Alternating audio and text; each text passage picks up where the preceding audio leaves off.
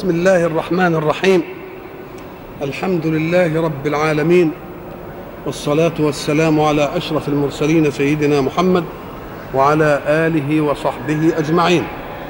وبعد فقد انتهينا في اللقاء السابق عند قول الله سبحانه فإن لم تفعلوا فأذنوا بحرب من الله ورسوله وإن تبتم فلكم رؤوس أموالكم لا تظلمون ولا تظلمون. في هذه الآية قضية كونية يتغافل عنها كثير من الناس وخاصة إذا ما جاء نظام ليحمي طائفة من ظلم طائفة. فلا يأتي هذا النظام إلا إذا وجدت طائفة المرابين الذين ظلموا طائفة الفقراء المستضعفين. كان حسب هؤلاء المستضعفين الذين استغلوا للمرابين أن ينصفهم القرآن بمبدئه وأن ينهي قضية الربا إنهاء. يعطي الذين رابوا ما سلف لهم لأنهم بنوا حياتهم على ذلك ولكنه شرع لهم استئناف الطهر في التعامل. فإذا قال الله فلكم رؤوس أموالكم لا تظلمون ولا تظلمون بين ذلك أنه لا حق لهم كما قلنا في ضعف ولا ضعفين ولا في أضعاف مضاعفة. وحينئذ تكون لا تظلمون أي من رابيتموهم بأن تأخذوا منهم زائدا عن رأس المال. ولكن ما موقع ولا تظلمون. من الذي يظلمهم؟ قد يظلمهم الضعيف الذي ظلم لهم سابقا. ويأخذ منهم بعض رأس المال بدعوى أنهم طالما استغلوه فأخذوا منه قدرا زائدا عن رأس المال. المشرع حين يجيء يريد أن يأخذ الظالم السابق فينهي ظلمه وأن يسعف المظلوم اللاحق فيعطيه حقه ولا يريد أن يوجه ظلما ليستغل به أن يظلم الذي ظلم أولا. بل يجعل الجميع على قدر سواء في الانتفاع بمزايا الحكم. كثير من النظريات التي تأتي لتقلب نظاما في مجتمع تعمد إلى الطائفة التي ظلمت. فلا تكتفي بأن تكفها عن الظلم. ولكن تمكن للمظلوم لها أن يظلمها ذلك هو الإجحاف في المجتمع. الذي يجب أن يتنبه إليه الناس جيدا لأن الله الذي أنصفك أيها المظلوم من ظالمك فمنع ظلمه لك. يجب أن تحترم حكمه.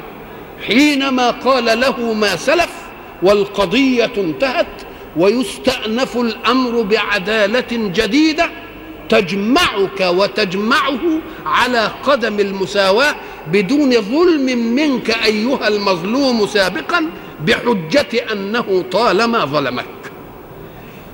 والمجتمعات حين تسير على هذا النظام لا تظلمون ولا تظلمون تسير على نمط معتدل لا على ظلم موجه.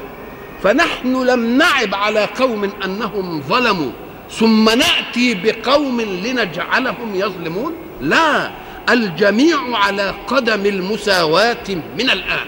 وفساد أي نظام في المجتمع يأتي من توجيه الظلم وإلا فسيظل الظلم قائما. طائفة ظلمت وتأتي طائفة كانت مظلومة لتظلم. نقول لهم ذلك ظلم موجه. ولكننا نريد أن تنتظم العدالة كل أفراد المجتمع بأن يأخذ كل حاكم الذي ظلم سابقا ومنعناه عن ظلمه والمظلوم سابقا وأنصفناه يأتي بهذا على هذه وبهذا على هذه على قدم المساواة ليسير المجتمع مسيرة عادلة تحكمه قضية إيمانية. إننا لا نكافئ من عصى الله فينا بأكثر من أن نطيع الله فيه.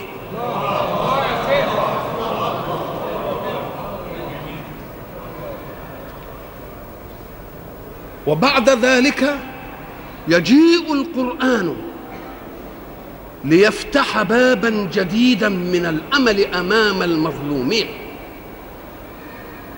وليضع حدا للذين كانوا ظالمين أولا وحكم لهم برأس المال ومنعهم من الزائد عن رأس المال فحنن قلوبهم على هؤلاء.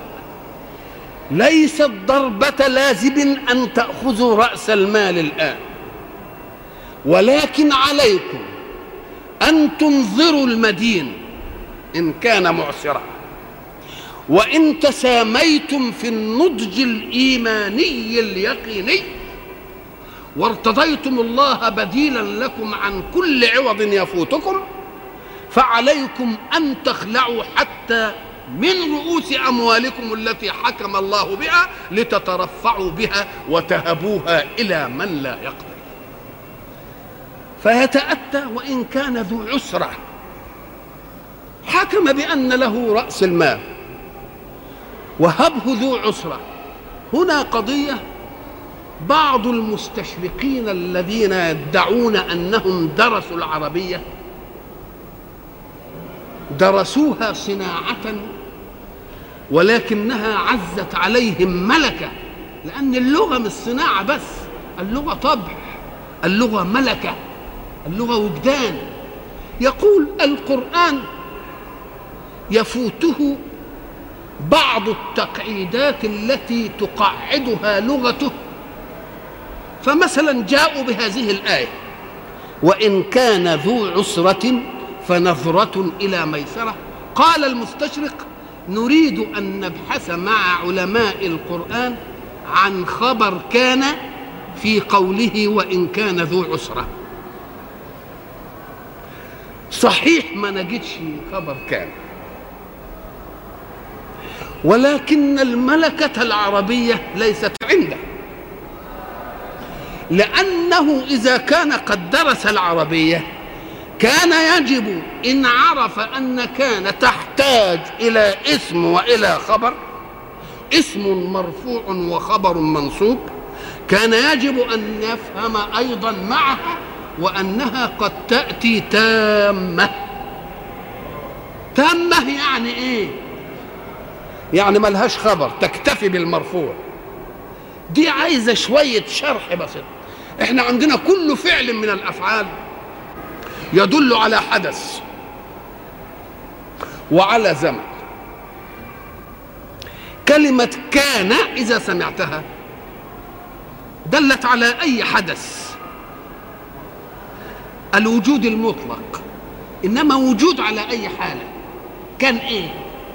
كان مجتهد كان كسول كان مريض كان صحيح. إذا فمرة يكون الحدث كونا عاما مطلق وجود إنما وجود على أي حالة؟ ضرب مثلا تدل على إيه؟ على وجود شيء هو الضرب. طب وكان تدل على إيه؟ على وجود شيء هو إيه؟ مطلق وجود ملوش حالة. فيبقى معنى ذلك أن كان دلت على الزمن الوجودي المطلق. فإن أردت أن تدل على وجود مقيد يبقى لازم تجيب لها خبر. تقول كان زيد مجتهدا. يعني وجد شيء خاص هو اجتهاد زيد. فإذا قلت كان زيد يبقى كون مطلق. موجود بس موجود. إنما موجود على أي هيئة؟ وأنت عايز تقول مجتهد غنية. آه يبقى كان كان هنا نقصة عايز الخبر يكملها ليعطيها الوجود الخاص. إنما ما كانش كده وعايز الوجود بس تبقى تم. فإن كان ذو عسرة أي فإن وجد ذو عسرة. انتهت المسألة ولا ما انتهتش؟ انتهت. يبقى. وإن كان ذو عسرة أي وإن وجد ذو عسرة. عسرة يعني إيه؟ زي ما إحنا عارفين العسرة يعني معسر ما عندوش. فنظرة ممن من؟ الداء. إلى ميسرة. إلى أن يتيسر. ويبقى اسمه دين قرض حسن. كلما صبر عليه لحظة كلما أعطاه الله عليه ثوابا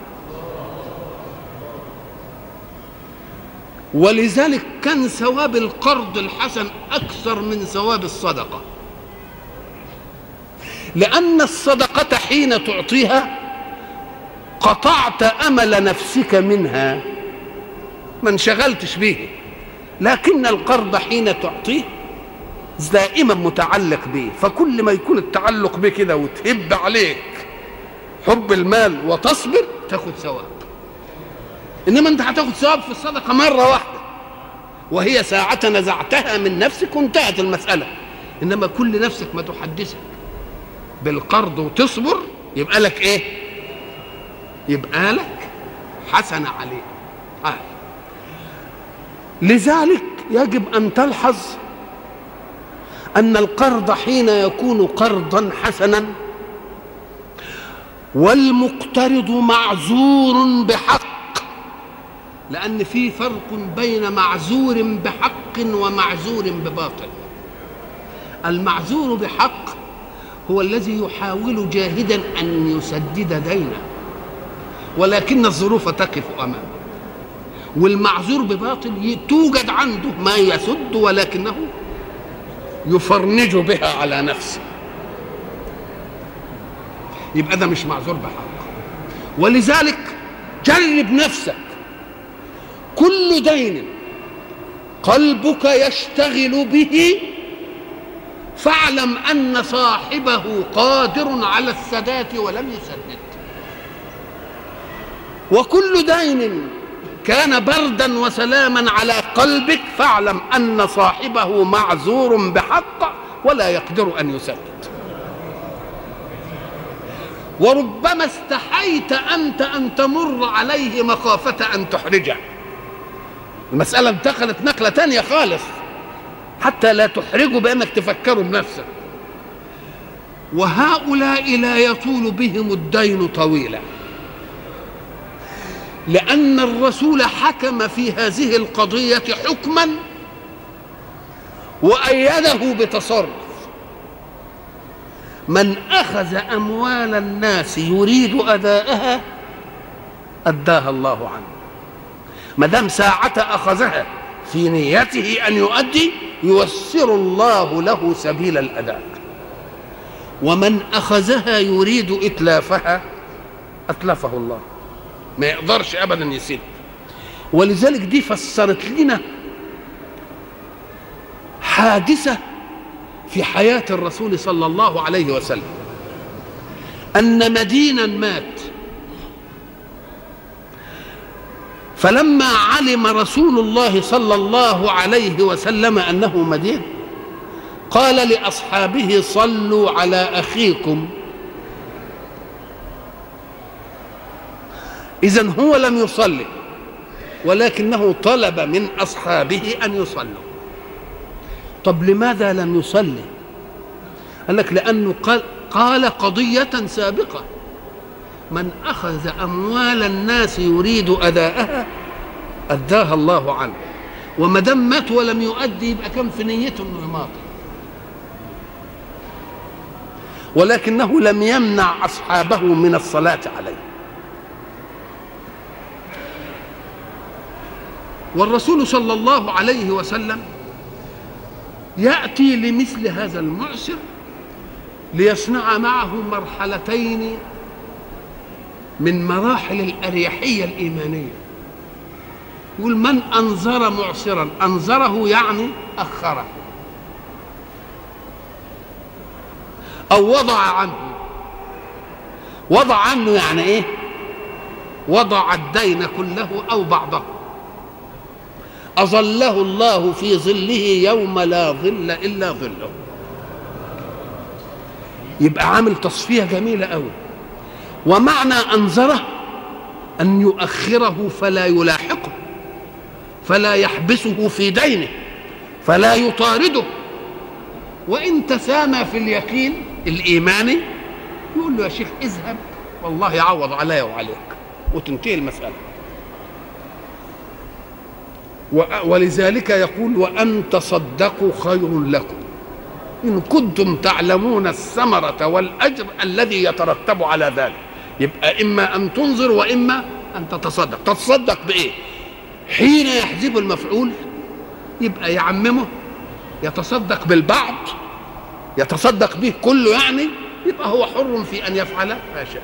فانظروا كيف يصفي الحق سبحانه وتعالى مسألة اقتصادية كانت هي الشغل الشاغل للبيئة الإيه؟ لبيئة الجاهلية. وقلنا إن الإسلام بنى العملية الاقتصادية إما على الرفد والعطاء ودي تكلم الحق عنها في آيات النفقة التي سبقت من أول قوله سبحانه مثل الذين ينفقون أموالهم في سبيل الله كمثل حبة وتكلم طويلا عن النفقة. والنفقة تشمل ما يكون مفروضا عليك من زكاة وما تتطوع به أنت.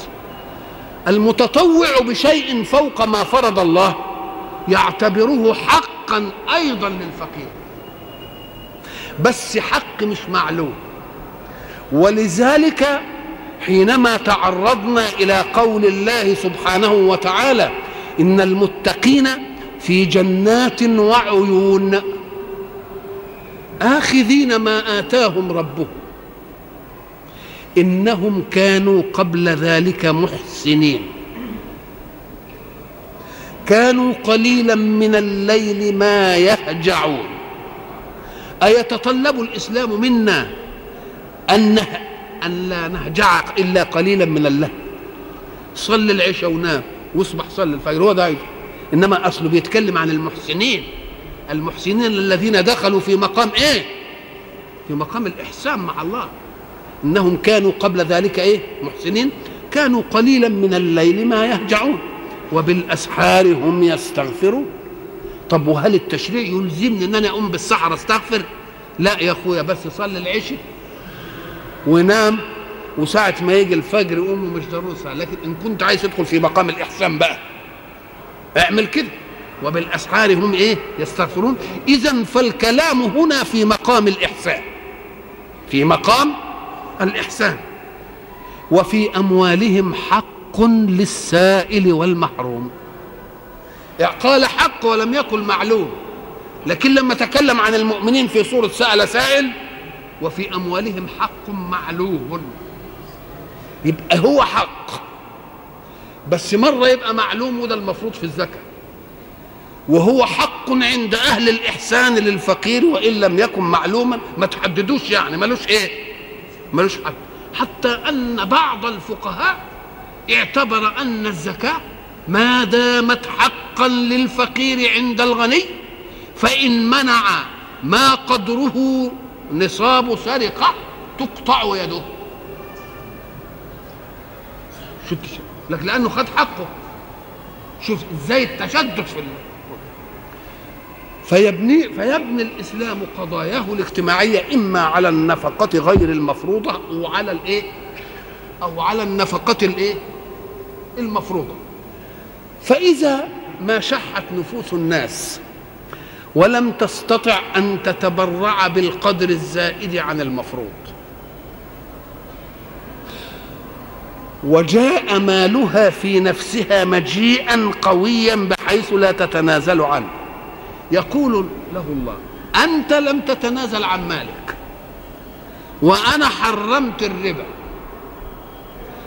فكيف نلتقي لنضع للمجتمع أساسا سليما؟ سنحتفظ لك بمالك ونمنع عنك الفايدة اللي هي الربا. نبقى التقينا في منتصف الطريق. لا أخذنا مالك ولا أخذت منا الزائد عن هذا المال. فشرع آية الدين. وأخذت أطول حيز في حجم آيات القرآن. ليه؟ لأن على الدين هذا تنبني قضايا المجتمع الاقتصادية. عند من لا يجد ماء ماليا يسير به حركة حياته. وحين وضعها لم يضعها وضعا تقنينيا جافا جامدا. وإنما وضعها وضعا وجدانيا. يعني خلط فيه التقنين بالوجدان. خلق فيه جمود القانون بروح الإسلام. ما عملهاش عملية جافة كده. التقنين لما يجي يقنن بيقنن قوانين جافة. يجي يقنن في القتل اللي قتل يقتل ويعمل مش عارف إيه. لا ربنا لما يجي يقول يقول غير كده. آه. يقول لك فمن عفي له من أخيه شيء فاتباع بالمعروف وأداء إليه بإحسان ذلك تخفيف من ربكم ورحمة. يجيب قضية التحنين في أعنف قضايا الخلاف وهي خلافات الدم كذلك في آية الدين. قبل أن يأتي بآية الدين يقول إيه؟ واتقوا يوما ترجعون فيه إلى الله. إحنا قلنا زي ما قال اتقوا الله قال اتقوا النار قال اتقوا يوم. اتقي اليوم ولا اتقي ما ينشأ في اليوم؟ لأن اليوم ظرف والأزمان لا تخاف بذاتها وإنما يخاف من الزمن مما يقع في الزمن.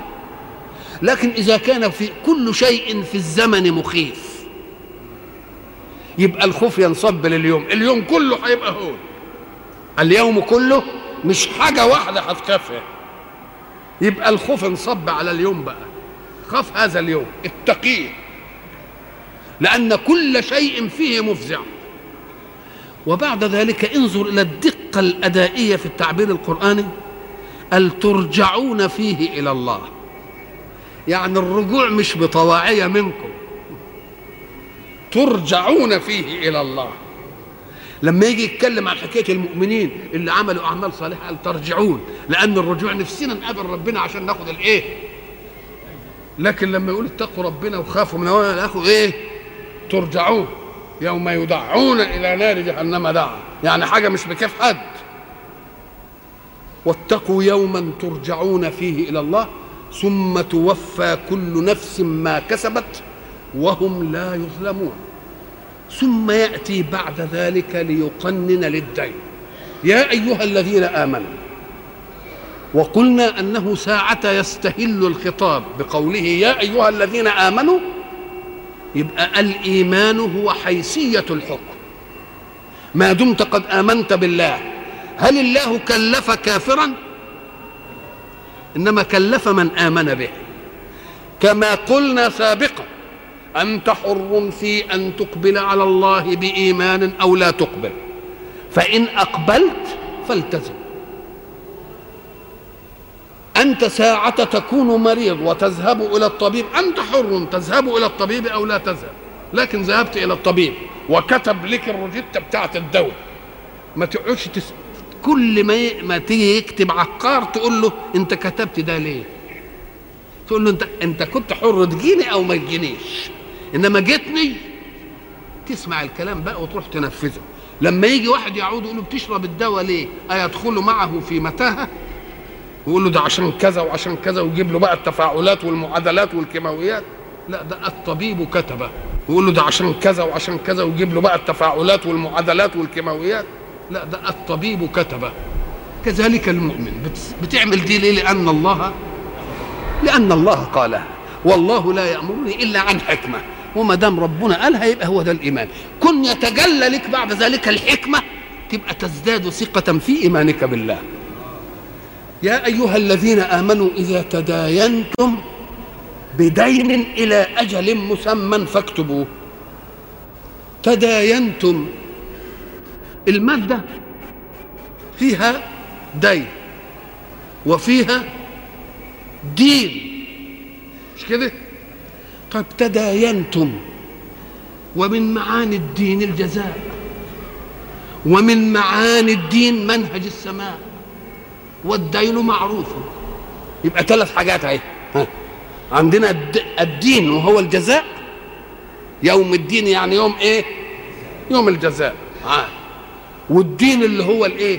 لكم دينكم ولي دين اللي هو الايه؟ المنهج.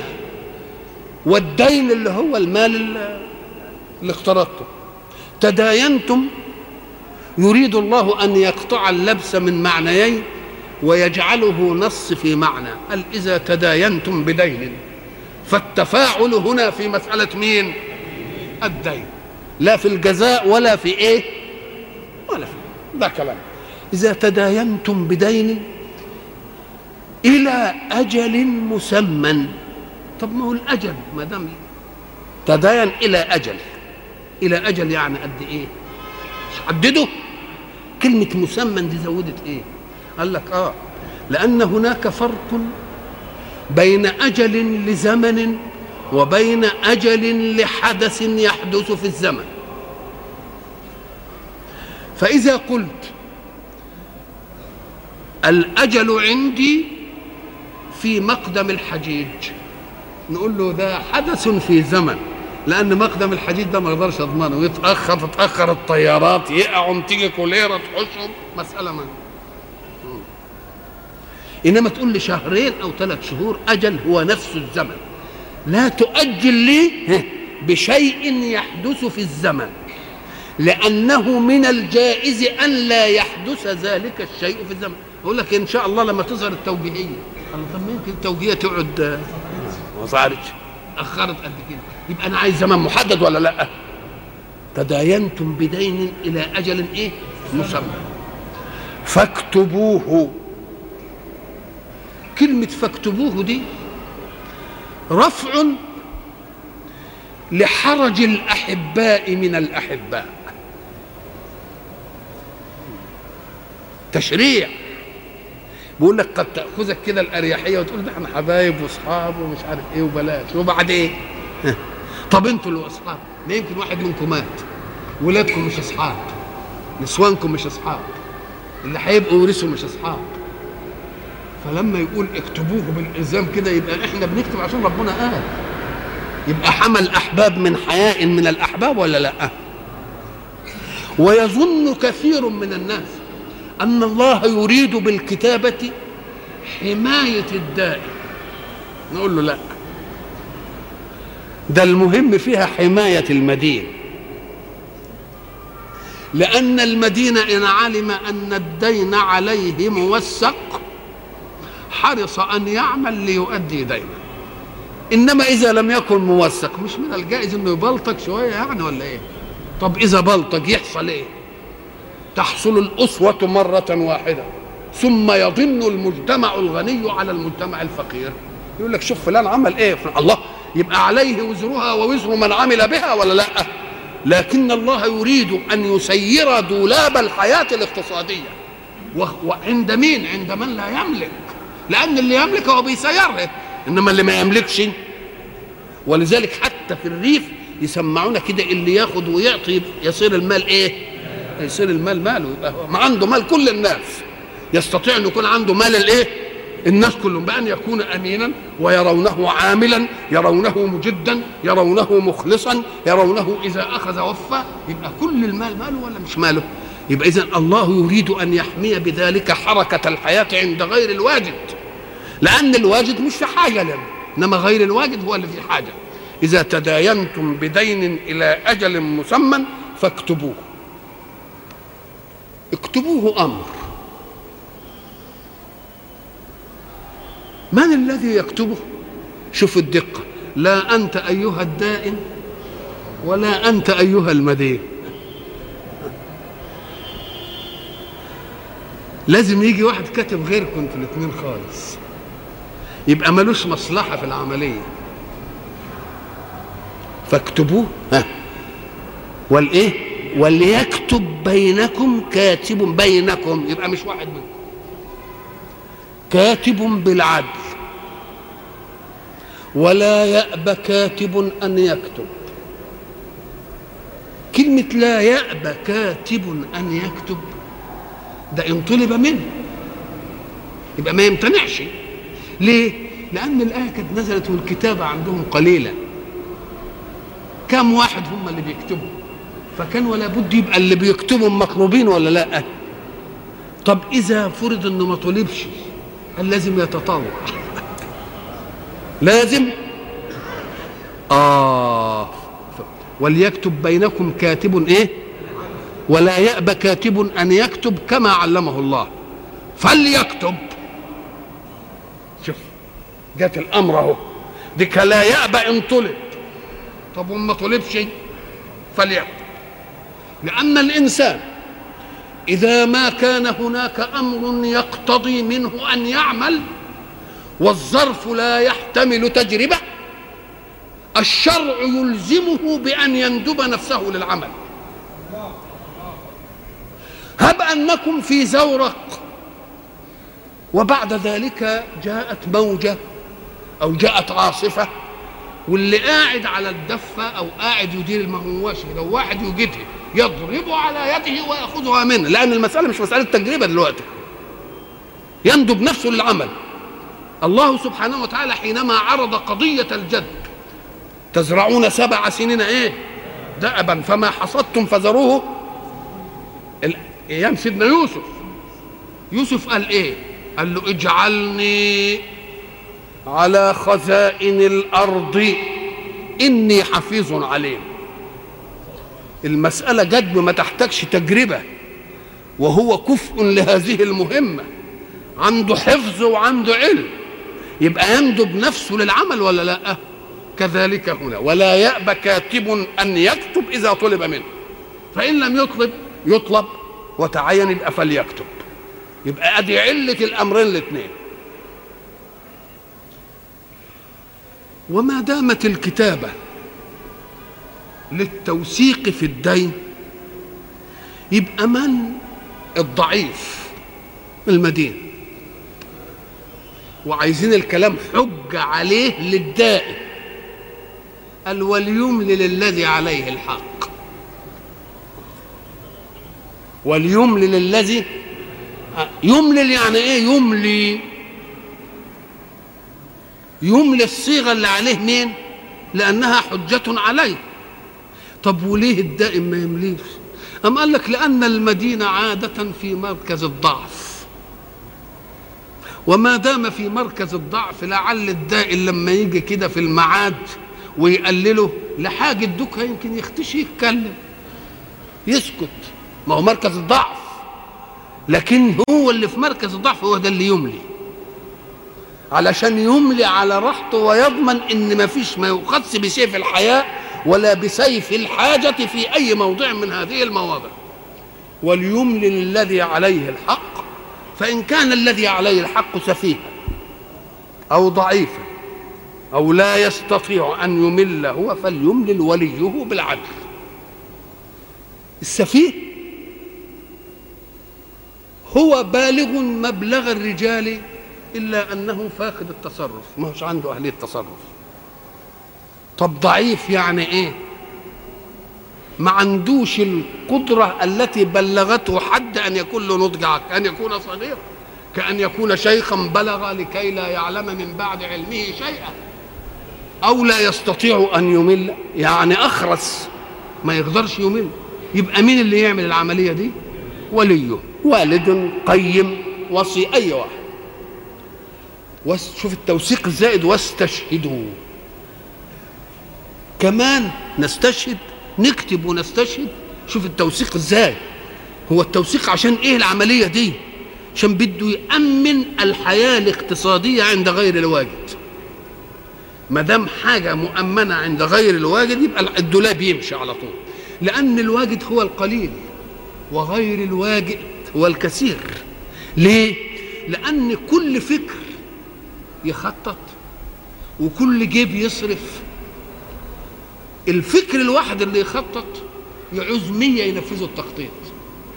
والجيب الواحد اللي يصرف يعوز برضه مية ينفذوا فيبقى الجمهرة لازم تكون إيه؟ لازم هي اللي تعمل هي اللي ما عندهاش. ليه؟ عشان نظام الحياة يمشي. لأن الله لا يريد نظام الحياة تفضلا من الخلق على الخلق. إنما يريد نظام الحياة نظاما ضروريا. يعني أن العامل لو ما كانش عنده الولد عايز ياكل ويشرب وينكسي يمكن ما يخرجش للعمل يمكن بعض العمال لما يبقى عندهم فلوس ما يشتغلش. فلازم يرتبط هذا بإيه؟ بحاجته. فإذا ما ربط بحاجته يبقى يضطر إنه يعمل. ما دام يضطر إنه يعمل بتكرار الأمر يعشق عمله. حين يعشق عمله يبقى لما يجد يبقى أحب العمل في ذاته. يبقى انتقل من الحاجة إلى إيه؟ إلى حب العمل في ذاته. ما دام أحب العمل في ذاته يبقى المسائل تمشي ولا ما تمشيش؟ يبقى تمشي. كلمة واستشهدوا شهيدين. كلمة شهيد مش شاهد ما قالش شاهد. شهيد دي صيغة مبالغة. كأنه شاهد تعورف بعدالة الشهادة تعارفا حتى صار شهيدا. مش شاهد. آه. يعني عرف كده. بان ده إنسان إيه؟ إنسان لأن مطلق شاهد يمكن زور. إنما شهيد وتكررت منه الشهادة والناس أمنته على هذه والقضاء أمنه على شهادته يبقى دليل على إنه إيه؟ يبقى على إنه شهيد. فعيل.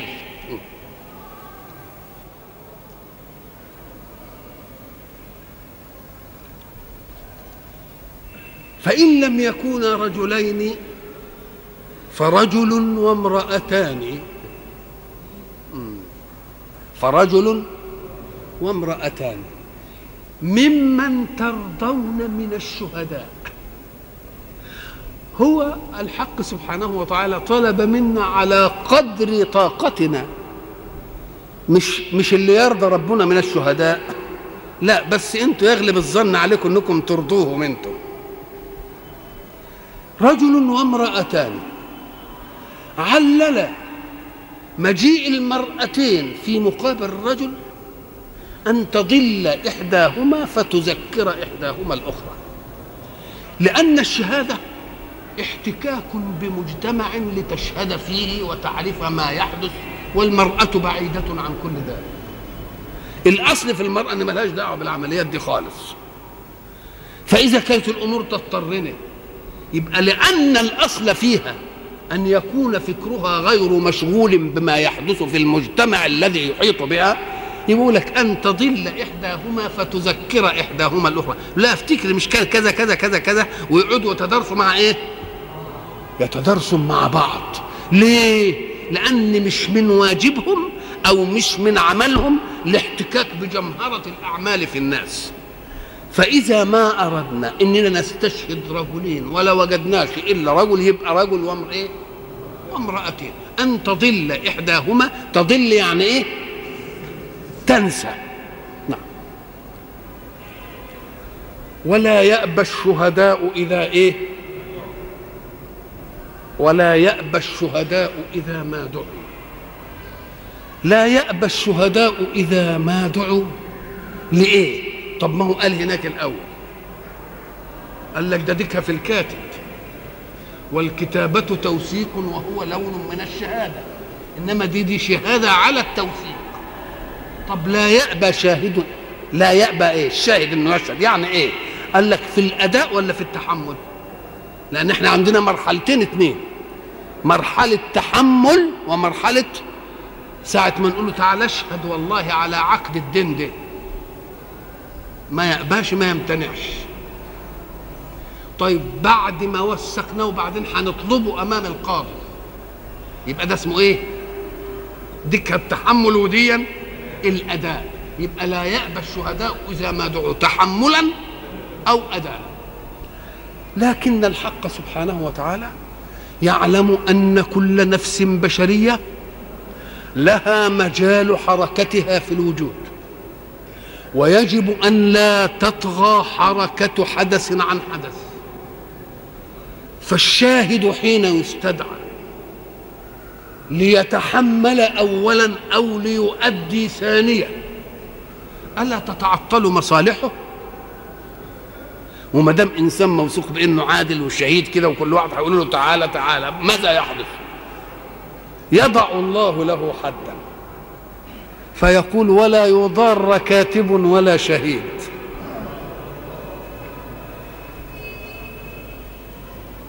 تبقى الشهادة هنا إن قال لك والله أنا عندي شغل النهارده ده أنا أصلي هروح أمتحن ده أنا أصلي ورايا صفقة كذا أنا مش عارف كذا نقول له إما أن تتعين في التحمل أما في الأداء فأنت مضطر. لكن في التحمل إن قال لك إنني عندي كذا وأمر ضروري أن يفعله. لا يطغى حدث على حدث. نقوم نشوف غيره. طيب إما لقناش غيره ماذا يكون؟ قال لا يضر كاتب ولا شهيد. نقوم نشوف له جعل يعوض عليه ما فات. فلا نلزمه بأنه يعطل نفسه وإلا كانت عدالته وبالا عليه. كل ما يجي حاجة يقول لك هات فلان هات فلان هات فلان فتتعطل مصالحه. والله لا يريد أن يحمي دائنا ولا مدينا وبعدين يضر الكاتب ويضر مين؟ ويضر الشهيد وإلى لقاء آخر إن شاء الله.